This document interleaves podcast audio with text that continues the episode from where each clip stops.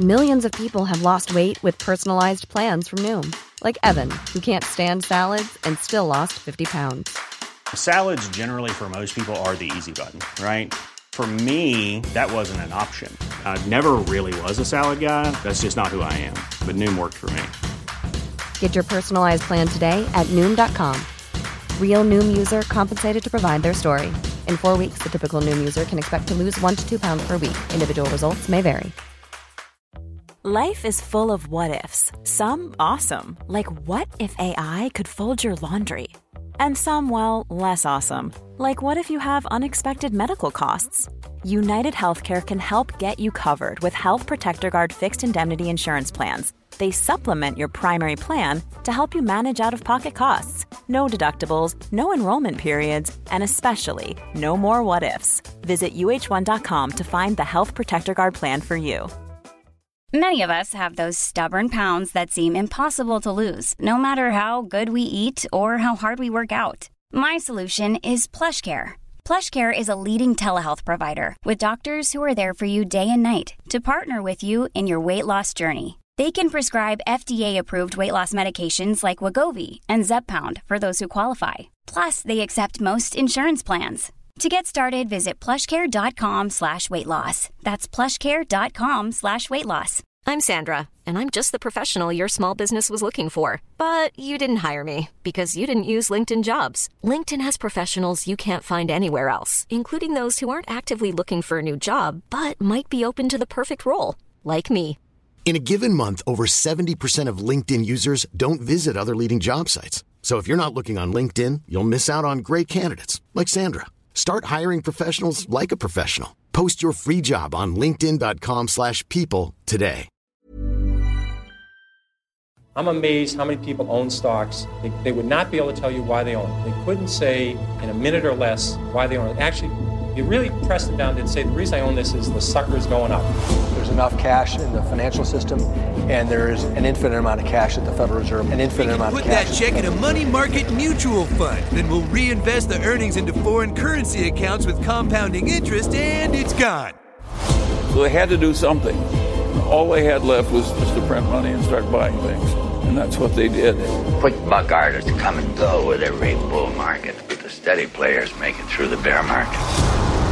They say money can't buy happiness. Look at the fucking smile on my face. Hej och välkommen till ett nytt avsnitt av Market Makers. Hur är läget med dig Fabian? Det är fantastiskt. Portföljen brinner som vanligt. Ja, det var en riktigt sur börsdag idag får man ändå säga. Det är ju tisdag den 23 november. Vi närmar oss med stormsteg första advent och december och slutet på året. Vi väntar ju in det här tomtenisserallyt som man pratar Hela, om. he, hela Eh, årsavkastningen Men idag är det verkligen... eh, hänger på tomterallyt nu alltså.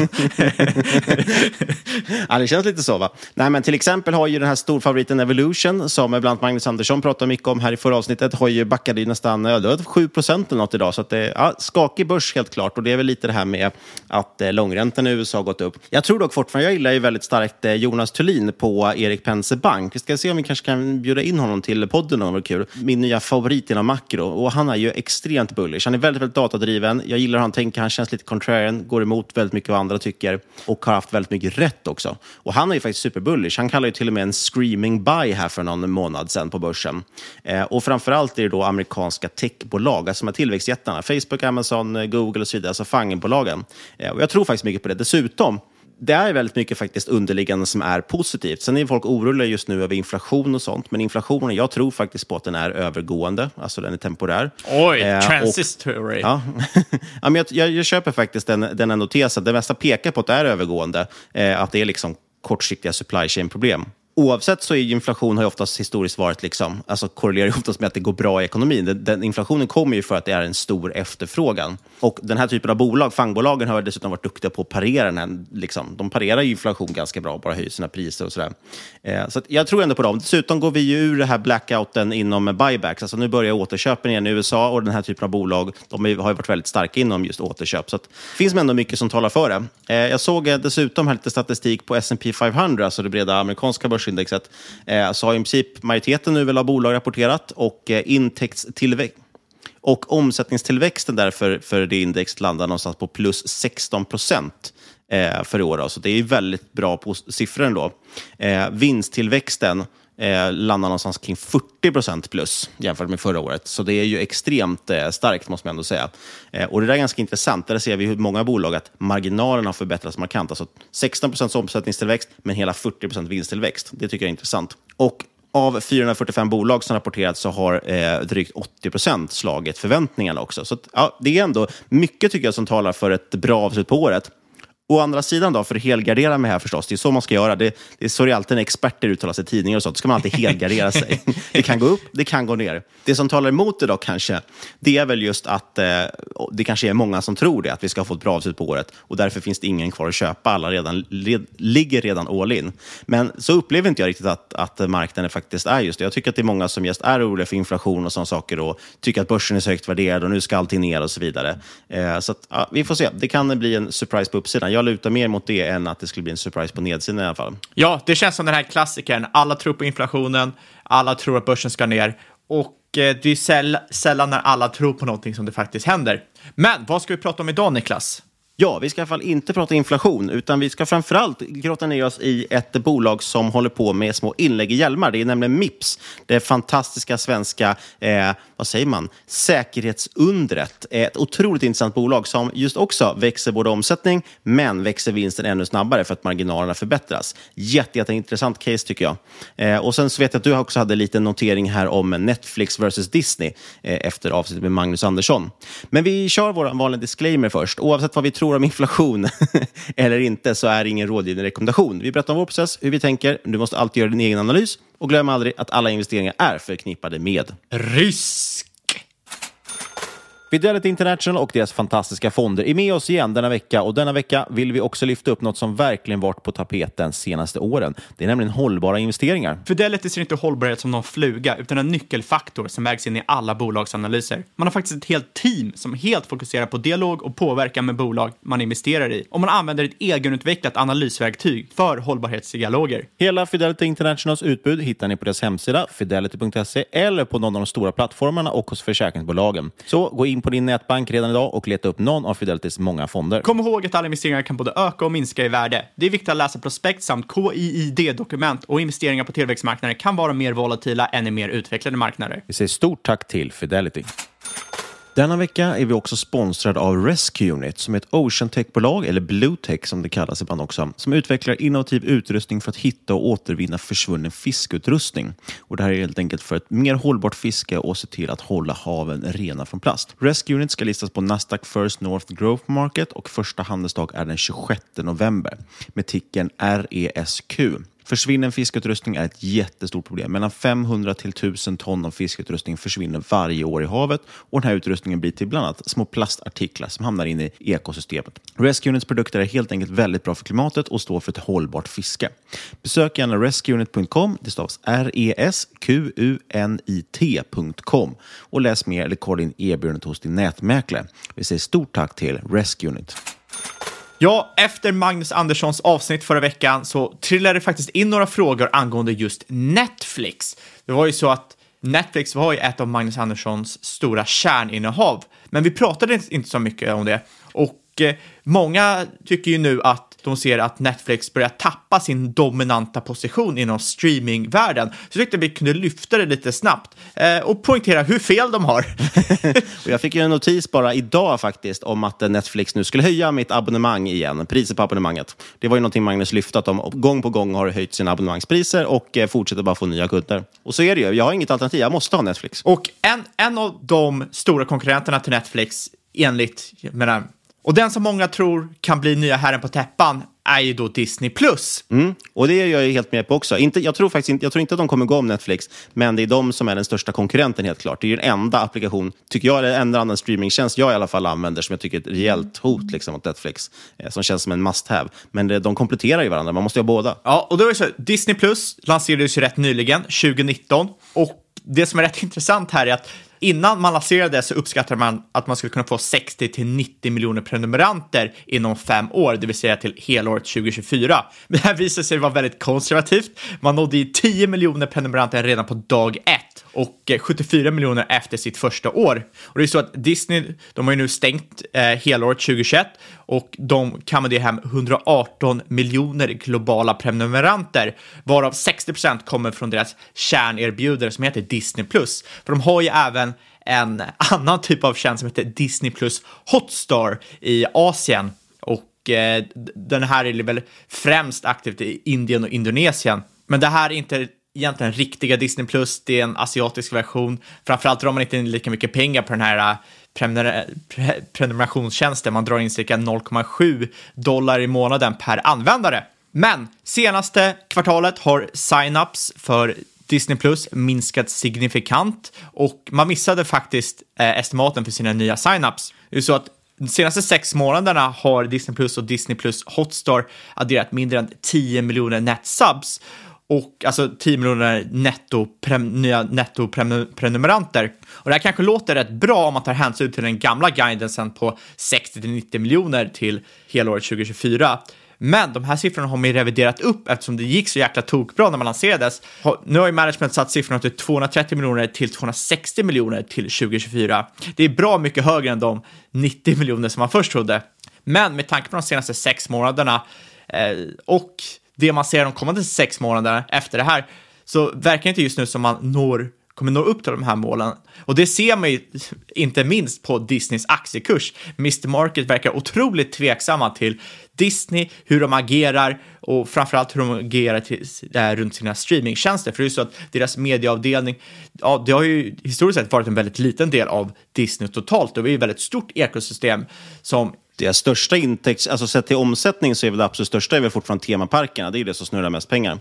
Men marknaden tittar ju bara på streamingtjänsten just nu känns det som kring Disney. Så är det absolut. Och egentligen hela Disney är uppbyggt kring det här ekosystemet där filmer och serier ska ju liksom fida in i att få folk att gå till parkerna, som feedar in att folk köper merch i en så här äh, sjuk flywheel. Men en stor anledning till just att Disney Plus inte växer så mycket just nu, det är ju för att Disney satsar så mycket på sina så kallade legacy businesses, alltså tv och de har film.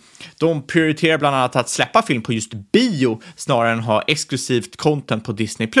Och det här gör ju att de inte kan växa i en särskilt stor eh, särskilt snabb takt, inte släppa content i en särskilt snabb takt Eh, på plattformen. Ja, jag, jag, jag, kan ju förstå det, att de vill släppa någon, någon ny Marvel-rulle på bio för att eh, locka till sig de pengarna där. Men det kommer ju såklart påverka Disney Plus eftersom det inte blir exklusivt content där.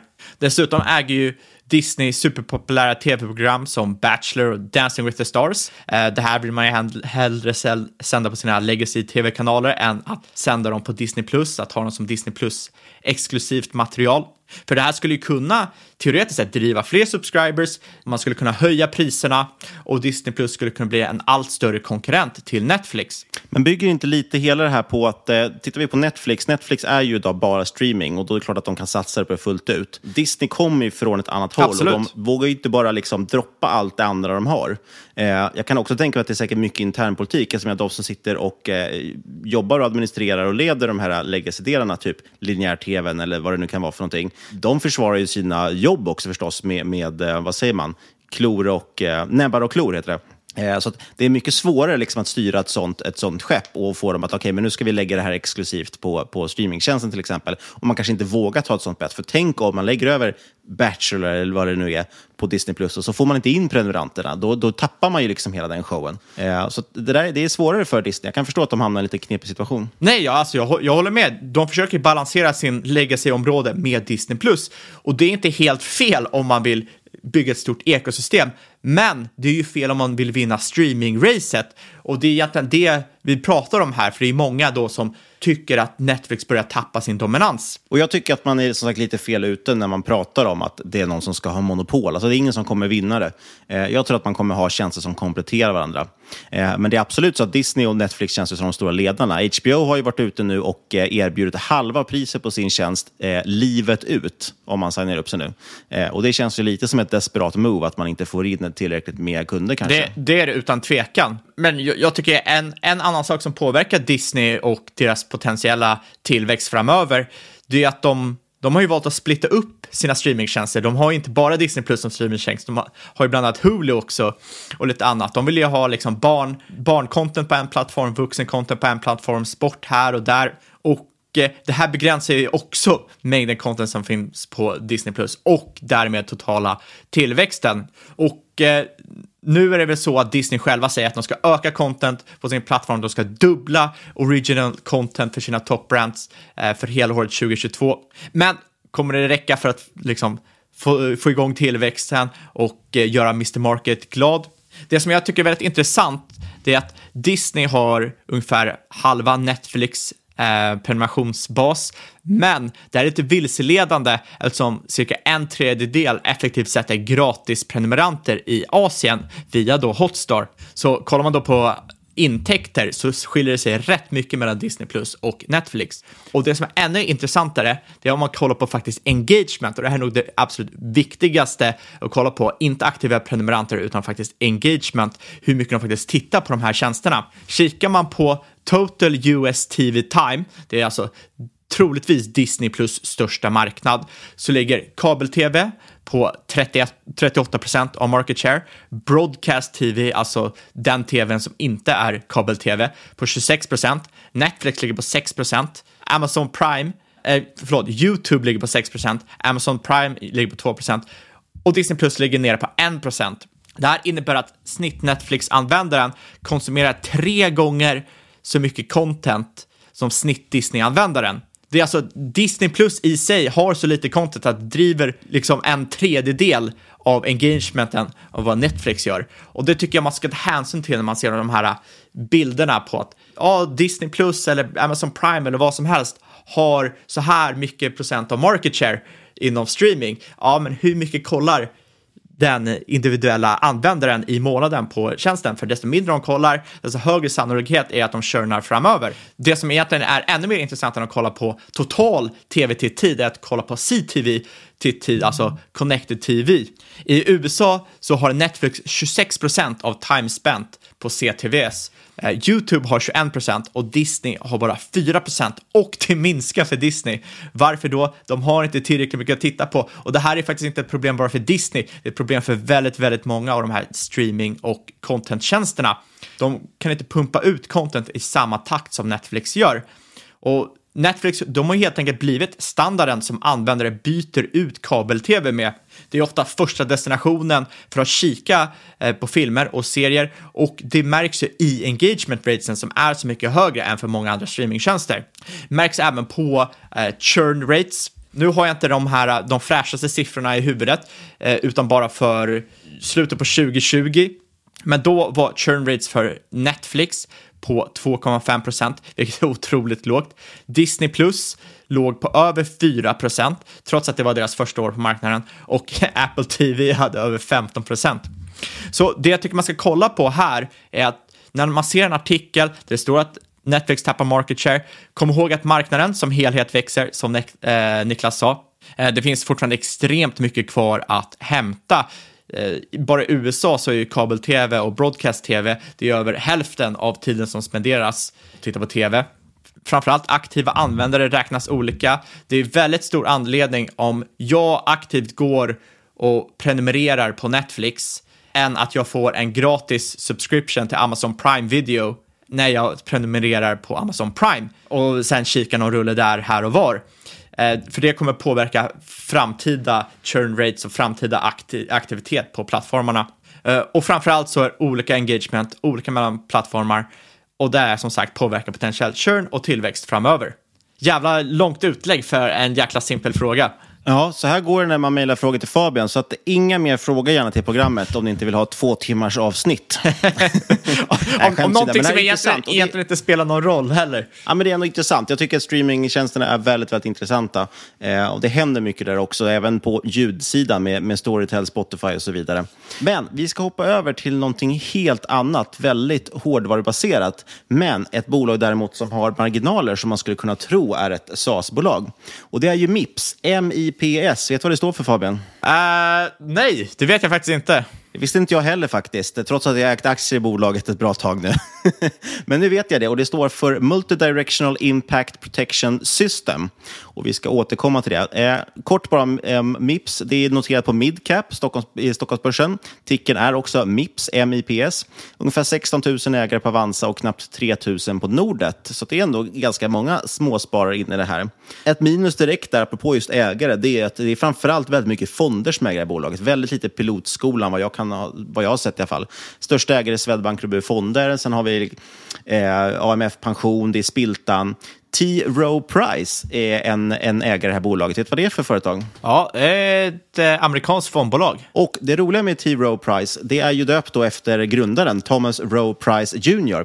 Eh, en av tillväxt, eh, tillväxtinvesteringens fader kan man säga, tillsammans med Philip Fisher. Eh, det var de två som egentligen på mångt och mycket liksom tog fram det här med tillväxtinvesteringar och började tänka det tänket från, från Grahams värdeinvesteringar så tog de det vidare till tillväxtbolag också. Eh, så lite kuriosa och hans eh, fondbolag då ligger kvar fortfarande, investmentbolag och de här. Eh, han hade ju en fenomenal av, avkastning för övrigt, T. Rowe Price, när han ledde. Men sagt, ingen pilotskola riktigt i Mips. Det är väl ett litet minus. Men vad gör de då för någonting? Jag tror att många känner till det här lite grann, men kanske inte vet exakt vad de gör och framförallt kanske inte vet vilket fantastiskt bolag det är rent ekonomiskt. De gör ju för första inte egna hjälmar, men det är säkerhet för hjälmar. Utan de har ett litet inlägg egentligen som man stoppar in i de här hjälmarna när man tillverkar dem. Och det är ingenting man kan köpa separat, utan det sätts in vid tillverkning. Så deras kunder är tillverkare av hjälmar. Och det här lilla inlägget då skyddar mot eh, vad ska man säga, roterande krafter.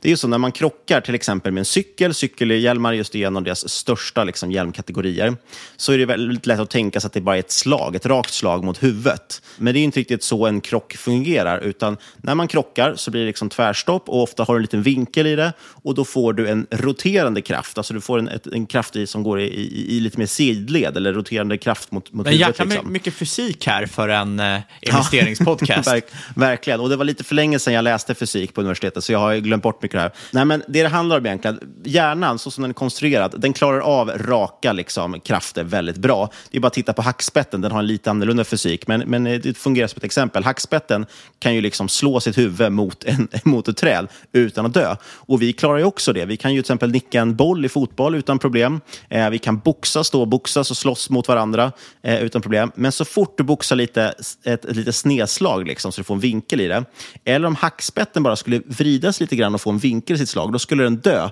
eh, ungefär vid andra slaget. Och Det här gäller ju då även med cyklat. När man då slår i cykel, eh, i huvudet i marken, även fast du har en hjälm, så får du liksom en roterande kraft. Och den här är jätte, jätteskadlig eh, för hjärnan. Det är det här ofta som skapar eh, just hjärnskakning eller ännu värre saker. Och MIPS, då, det här lilla inlägget, det är ett litet friktionsinlägg som helt enkelt egentligen absorberar en del av den här roterande kraften och därmed skyddar din hjärna väldigt bra. Så det är en väldigt säker, liksom, den ökar säkerheten enormt vid en eh, eventuell kollision. Eh, skadorna från de här rotationerna, det är någonting också som världen blir mer och mer medveten om, vilket då såklart är bullish för MIPS. Det är det de liksom jobbar väldigt mycket med, att försöka öka medvetenheten om det här och få folk att när de står i affären, då har ju hjälmar med MIPS har en liten gul logga på sig eh, och det är liksom ett vedertaget märke och det är det också man jobbar ännu mer på att försöka bygga in, att precis som att när du står och väljer, jag vet inte vad, friluftskläder så står det ju Gore-Tex på några och inte Gore-Tex på de andra. Och då vet ju du att Gore-Tex så kanske det är bättre, jag vet inte, mer vattenavvisande och så vidare. Och det är samma sak med Mips. Du väljer helt enkelt en, en hjälm med Mips för att du vill ha högre säkerhet och då betingar det ett lite högre pris också. Och den här tekniken fungerar. Det Mips har gjort, det är att de har gjort extremt mycket tester och de hjälper även hjälmtillverkarna att göra tester. Så när en hjälmtillverkare kommer med en ny hjälmdesign, då skickar de en CAD-fil, alltså en 3D-ritning till Mips och då kan de göra datorsimulationer med det här. Först med, eh, utan Mips och sen så stoppar de in det här då digitalt och vi kan då visa att så här mycket bättre liksom, och säkrare blir hjälmen med det här inlägget. Eh, och det har faktiskt inte hänt. Jag lyssnade på en intervju med vdn här i investerarens podcast eh, och han säger att det har fortfarande inte hänt att någon hjälm inte har liksom blivit mycket, alltså markant säkrare med Mips.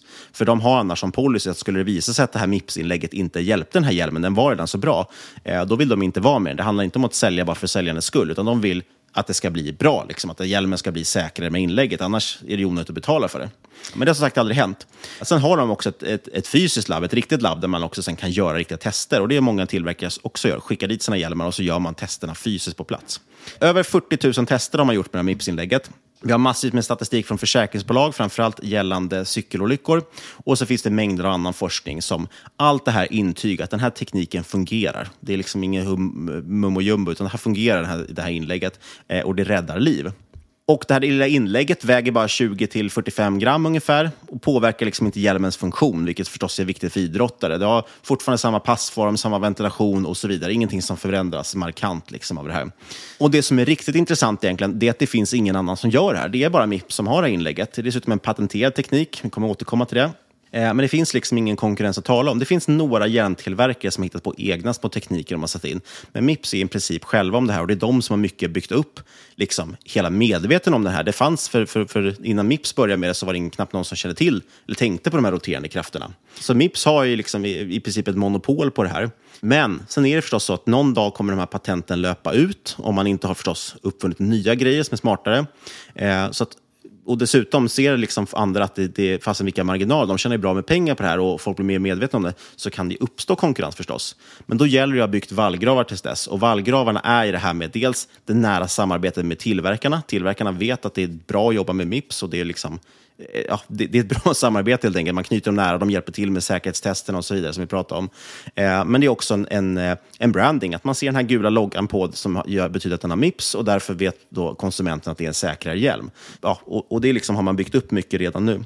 Tekniken från början då, tillskriver, eh, tillskriver man någon som heter Peter Haldin och Hans von Holst. Det är de som har grundat det här bolaget. Då.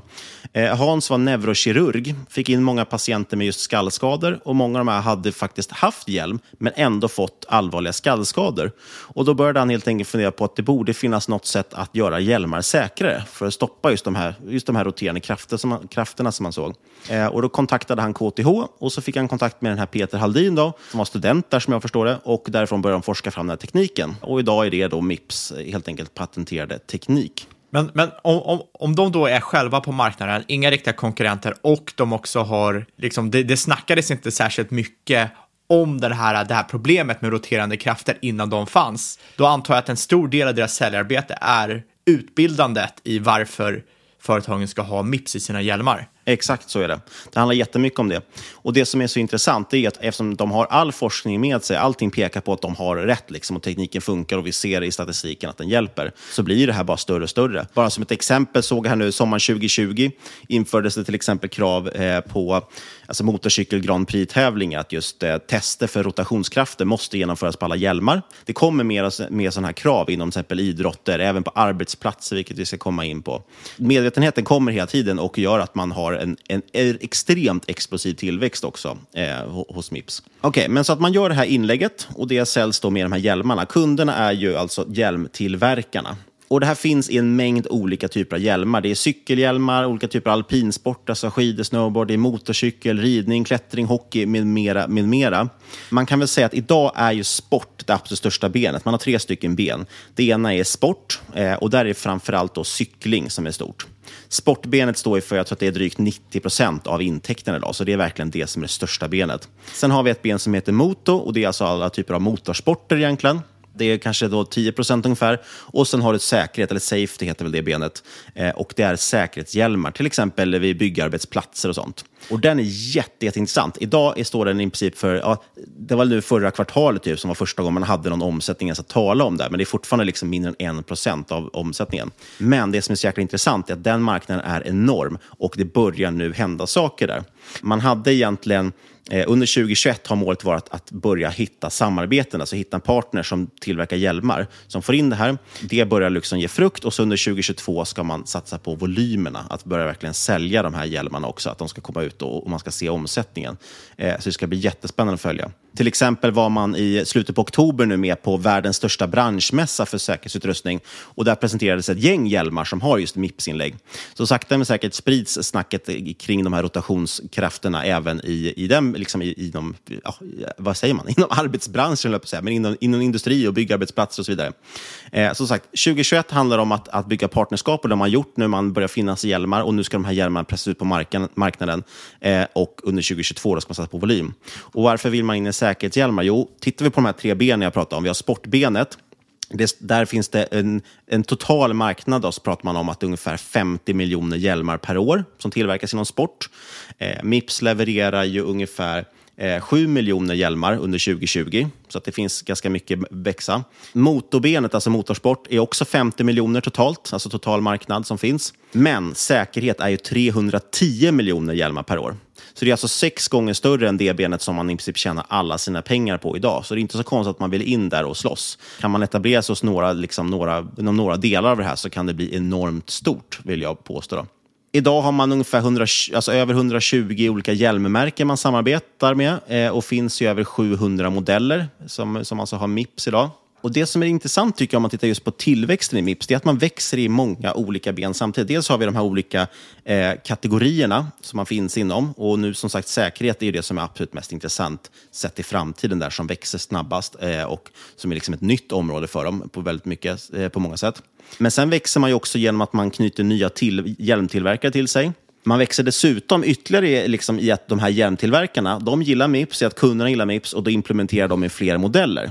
Eh, så du har liksom någon form av flerstegsraketa där det blir liksom, eh, ska man prata i SAS-termer så har man ju en liten land-and-expand liksom, eh, strategi. Först knyter du tillverkaren till dig och sen så vill du vara i fler och fler modeller hos tillverkaren. Och sen dessutom förstås så sprids det här geografiskt och det handlar om att fler och fler eh, använder hjälmar eh, generellt. Eh, vi ser också att till exempel Asien växer den här motorcykelhjälmarna jättemycket och det handlar ju väldigt mycket såklart om att vi har en växande medelklass som börjar unna sig kanske mer dyra hobby som att köra motorcykel och då behöver de hjälmar.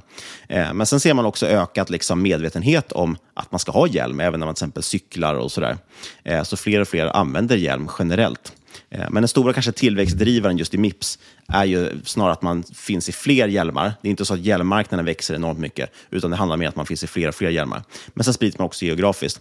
I dagsläget, tittar man på kan, kan vara värt att notera, tittar man på den geografiska spridningen för Mips så tror jag att det är ungefär 70 eller 75 procent av försäljningen som sker i Nordamerika.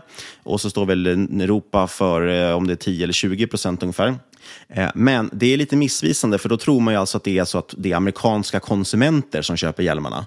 Men det man pratar om det är att det är amerikanska hjälmtillverkare som står för 75 procent av omsättningen. Sen säljer ju de sina hjälmar över hela världen. Så vi vet inte exakt var Mips-hjälmarna säljs riktigt, utan vi vet bara vilka, var tillverkarna kommer ifrån. Men som sagt, sportbenet står väl ganska still på så sätt att den marknaden i sig växer kanske inte jättemycket, men däremot finns man hela tiden nya hjälmar, så att Mips växer inom den kategorin. Eh, motorsport växer väldigt mycket, som jag sa, framförallt i Asien händer det mycket där, att det blir en större och större marknad och Mips växer på den delen förstås. Och sen är det här säkerhetshjälmar då, som är väldigt intressant. Och ja, det, det är ökade krav hela tiden på säkerhet, både från anställda men också arbetsgivare och uppdragsgivare förstås. Folk som beställer till exempel stora byggarbeten vill att, att eh, deras leverantörer ska vara säkra. Och Jag nämnde den här mässan som de var med på och även i juli var det en stor amerikansk säkerhetshjälmtillverkare som lanserade sina första Mips-hjälmar. Det händer mer och mer här. Det finns även vissa ben man tittar på med till exempel hjälmar för eh, polis och, och militär och sådana här saker också. Och tekniken som jag sa är patenterad. Man har mig veterligen som sagt ingen större konkurrens. Det är några få tillverkare som, som gör egna sådana här system, eh, alltså i sina, direkt i sina hjälmar, men det finns ingen liksom, separat tillverkare riktigt så. Mips är helt unika och de har en väldigt häftig och stark position. Eh, så konkurren, konkurrensen man egentligen ser, det är ju snarare från hjälmar utan Mips-system. Alltså konsumenten väljer, ska jag med Mips eller utan Mips? Det är liksom det alternativet som finns. Och det man jobbar med då är förstås att få in fler tillverkare och därmed då nå fler konsumenter att förstå liksom, det här med säkerheten. Och som sagt, som jag sa, tänker man lite på det i, i eh, SAS-termer så kan man säga att de har ju dels en, en, liksom en kundökning de får in fler tillverkare, men man har också en positiv net retention rate som är så fint pratar om. Det vill säga varje kund, eller till, hjälmtillverkare i alla fallet, köper ju alltså mer och mer också varje år. Och det tycker jag jag trycker lite på det här, för jag tycker att det ger en starkare tillväxt än hos, hos ett inom citationstecken vanligt företag. Alltså, om vi tittar på hjälmtillverkarna till exempel, vad är deras tillväxt? Jo, de kan ju bara egentligen sälja fler hjälmar. Alltså, de kan ju inte sälja fler hjälmar per kund. En kund vill fortfarande bara ha en cykelhjälm, så du måste hitta fler kunder. Men Mips har ju den fördelen att de kan ju först hitta en kund och sen vill den kunden bara ha fler och fler och fler hjälmar. Eh, så jag tycker att det är väldigt intressant. Eh, och det är det här som förklarar de enorma tillväxttalen man har också. Eh, och man har totalt över 20 miljoner sålda enheter fram till år 2020. Eh, och under 2020 så sålde man 7 miljoner av de här eh, hjälmarna, eller inläggen. Så att det är nästan hälften under bara 2020, så det går ju extremt fort om vi tittar på tillväxten. Man omsatte 2020 365 miljoner och det är en ökning på 36 procent från föregående år. Eh, och på det gör man då 129 miljoner vinst, man alltså 35 procent i vinstmarginal. Eh, och det tycker jag är ganska nice. 35 procent vinstmarginal på fysiska produkter. Ja, det är faktiskt, nu helt, det munnen, ja, det är faktiskt helt galet. Man är, man är inte ens van vid sådana vinstmarginaler för mjukvara. Där är ju negativ negativ vinstmarginal, förlust som det heter. ja, men precis. Och dessutom har marginalerna blivit ännu bättre under 2021. Och det jag gillar för övrigt också med Mips, jag, jag som sagt, investerarens podcast har en bra intervju med Mips vd från eh, december förra året, tror jag den kom. Och, och, jag tycker att han känns som att han är väldigt liksom, passionerad för det och brinner för det här. För han pratar väldigt lite egentligen om försäljning och det handlar inte så mycket om att liksom, trycka ut produkten och sälja, sälja, utan huvudfokuset är att rädda liv. Det är det allting handlar om egentligen. De här produkterna är faktiskt säkra och, och rädda liv och det är det han brinner för. På så sätt kan jag tycka han påminner lite om Lars Wingefors. Som, Lars Wingefors känns inte heller som att han brinner, alltså Embraces vd, känns inte som att han brinner riktigt för att tjäna pengar, utan han älskar ju samlande. Liksom. Och här finns också någon form av visionen i att, att rädda liv, liksom, inte egentligen att tjäna pengar. Det är bara en, en härlig bonus. jag gillar det. Ja, en, ena benen vill rädda liv och sen har du Embraces vd som gillar samlande. The Collector. Ja, nej, men jag, jag, vet inte varför jag fick någon, någon vibb där. Det kanske, bara, det kanske bara är idioti att ens ta upp det. Men jag, jag gillade på något sätt att det känns som att han har ett, brinner för någonting större än bara liksom, ekonomi. Lite siffror kring det här bolaget. Nu har jag pratat så många gånger om att de har fin tillväxt. Eh, sedan 2015 har man snittat en omsättningstillväxt på 50 procent per år. Det tycker jag är ganska bra. Och Det här är inte någon one-off att något år var superbra, utan varenda år har klockat in mellan 30 och 60 procents tillväxt eh, sedan 2015. Det, det kommer då från att de här hjälmtillverkarna, de vill ha Mips i fler modeller som de säljer. Och att man hittar fler hjälmtillverkare. Ja, ja såklart. såklart. Eh, och att man dessutom kommer in i nya områden. Så att först till exempel, säga, nu är som sagt cykling väldigt stort, men sen så blir det såklart fler och fler motorcykelhjälmar som också insett att det här är bra. Man har fler kanske hockeyhjälmar, fler skidhjälmar och så vidare. och så vidare.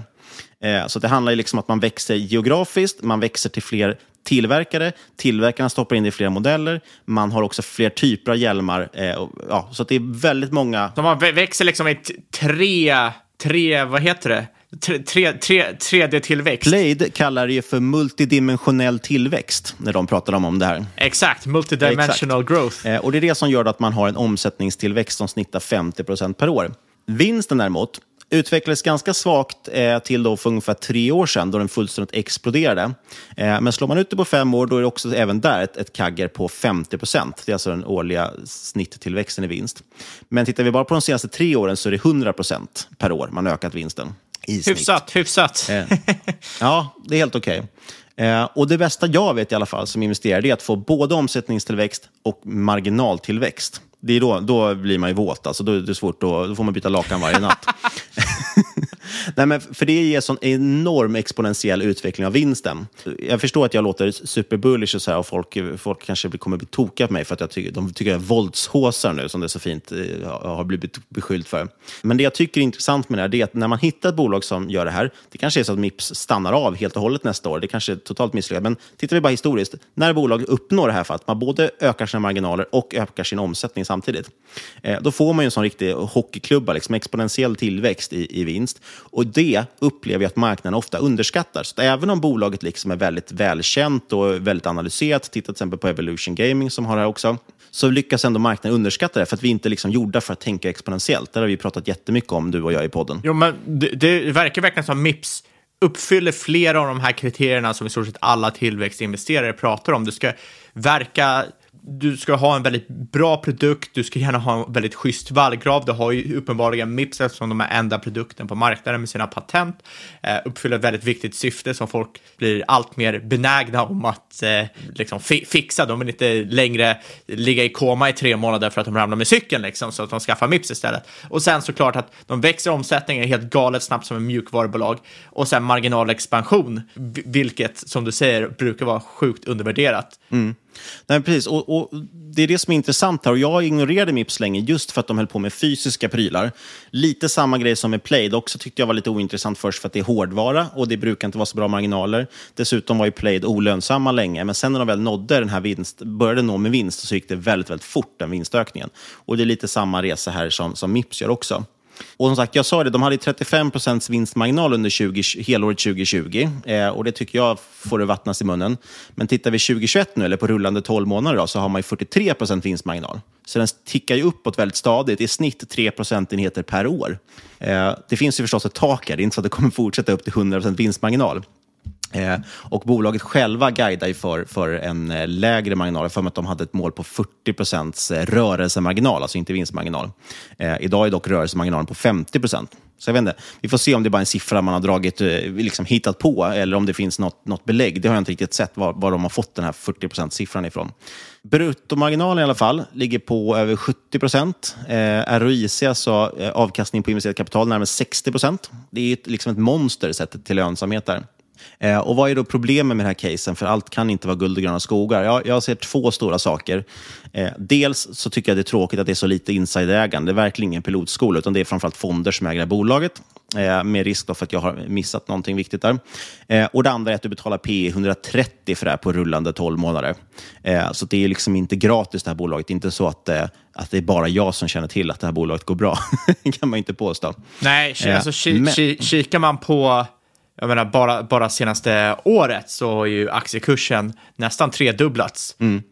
Och det är för att de har levererat de här monsterrapporterna. Just i 2021 har det också liksom accelererat ytterligare.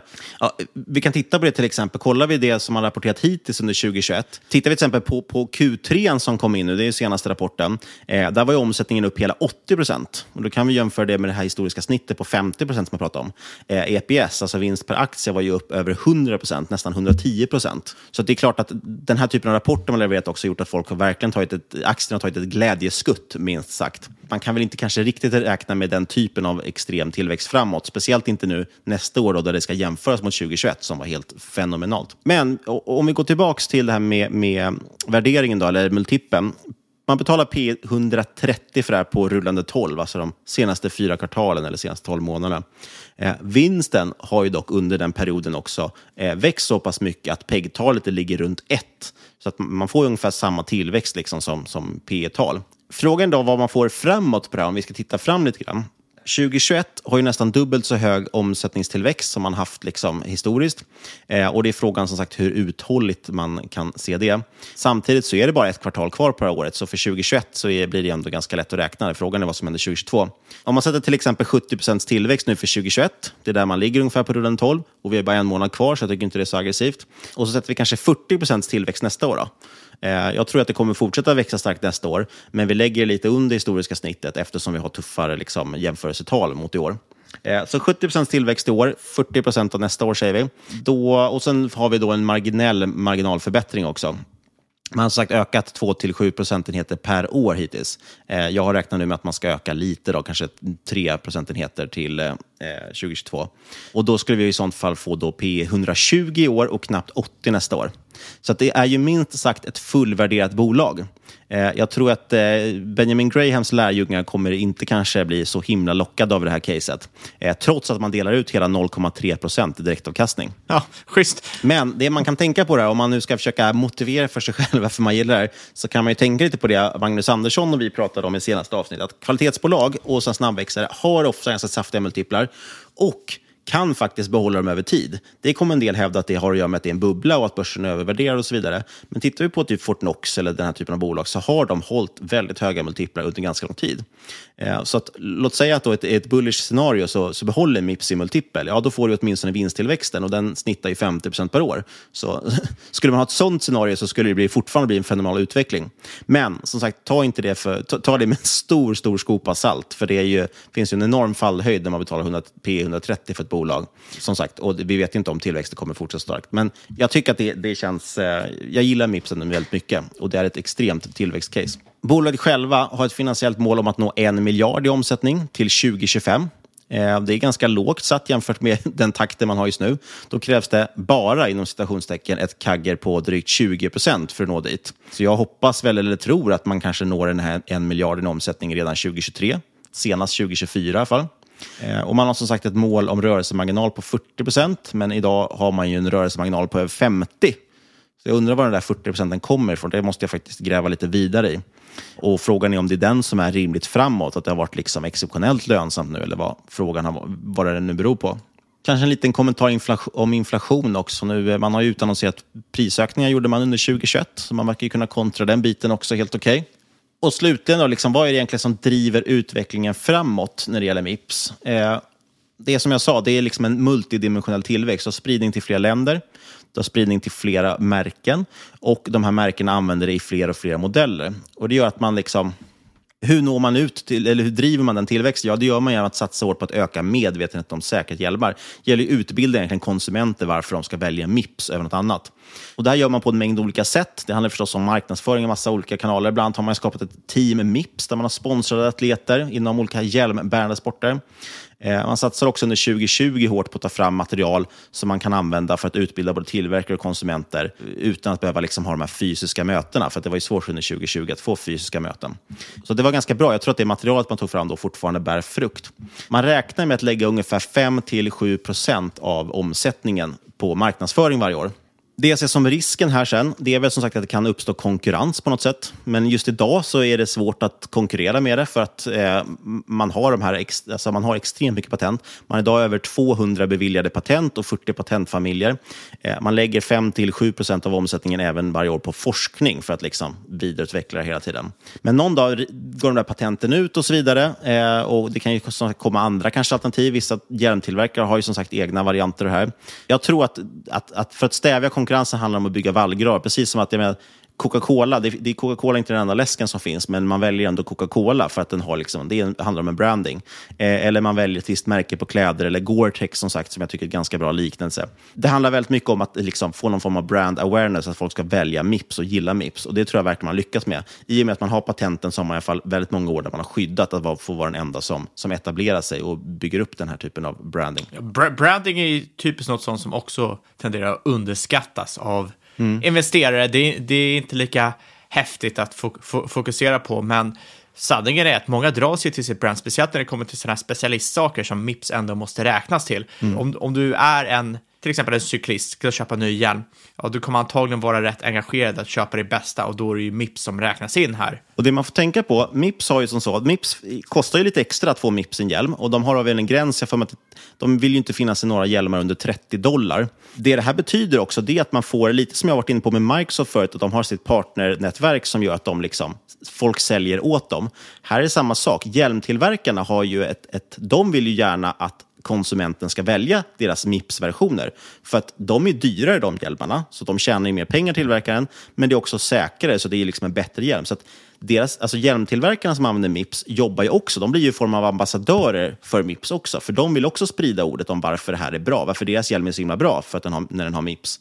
Eh, och dessutom säljarna sen ute i butiker till slutkonsumenten drivs ju också av det här, för att återigen sagt, de vill gärna sälja en så dyr hjälm som möjligt och en så säker hjälm som möjligt. Så det är också den här grejen med, med, med liksom det här ambassadörerna, man vill kalla det för. Alltså både deras tillverkarna som köper in Mips, men också slut, eh, eller förlåt, säljarna också så mot, mot kund, blir också en form av ambassadörer och marknadsför liksom, Mips också. Så jag tycker det är otroligt intressant. Ja, nätverkseffekt kan man väl kalla det för egentligen allting fundamentalt gillar jag väldigt starkt med det här bolaget. Jag vet att folk kommer skrika att jag våldshåsar här också nu.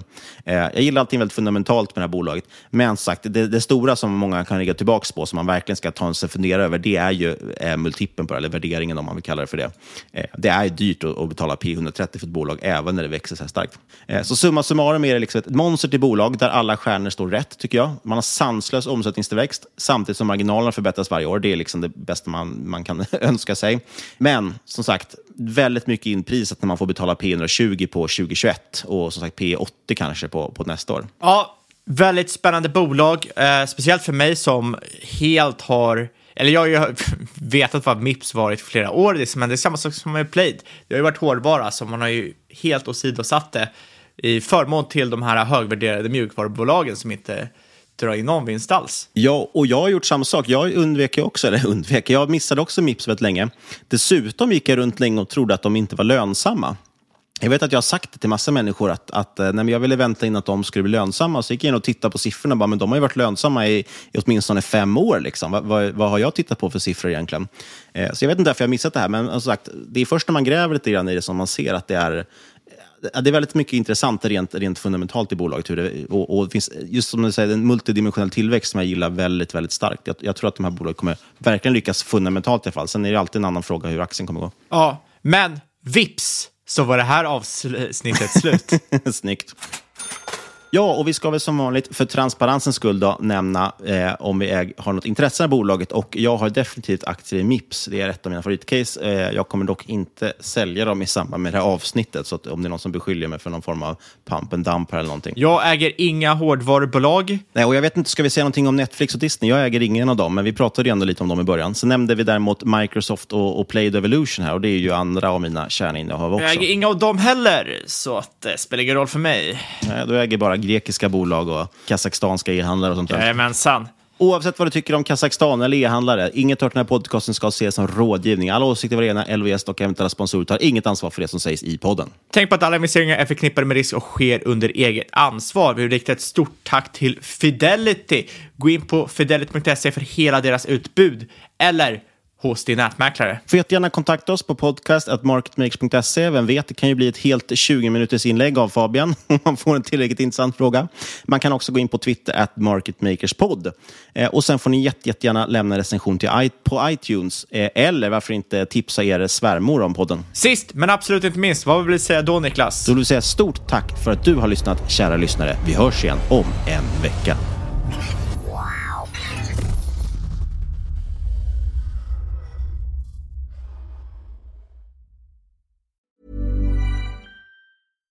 Hi, I'm Daniel, founder of Pretty Litter. Cats and cat owners deserve better than any old fashioned litter. That's why I teamed up with scientists and veterinarians to create Pretty Litter. Its innovative crystal formula has superior odor control and weighs up to 80% less than clay litter. Pretty Litter even monitors health by changing colors to help detect early signs of potential illness. It's the world's smartest kitty litter. Go to prettylitter.com and use code ACAST for 20% off your first order and a free cat toy. Terms and conditions apply. See site for details.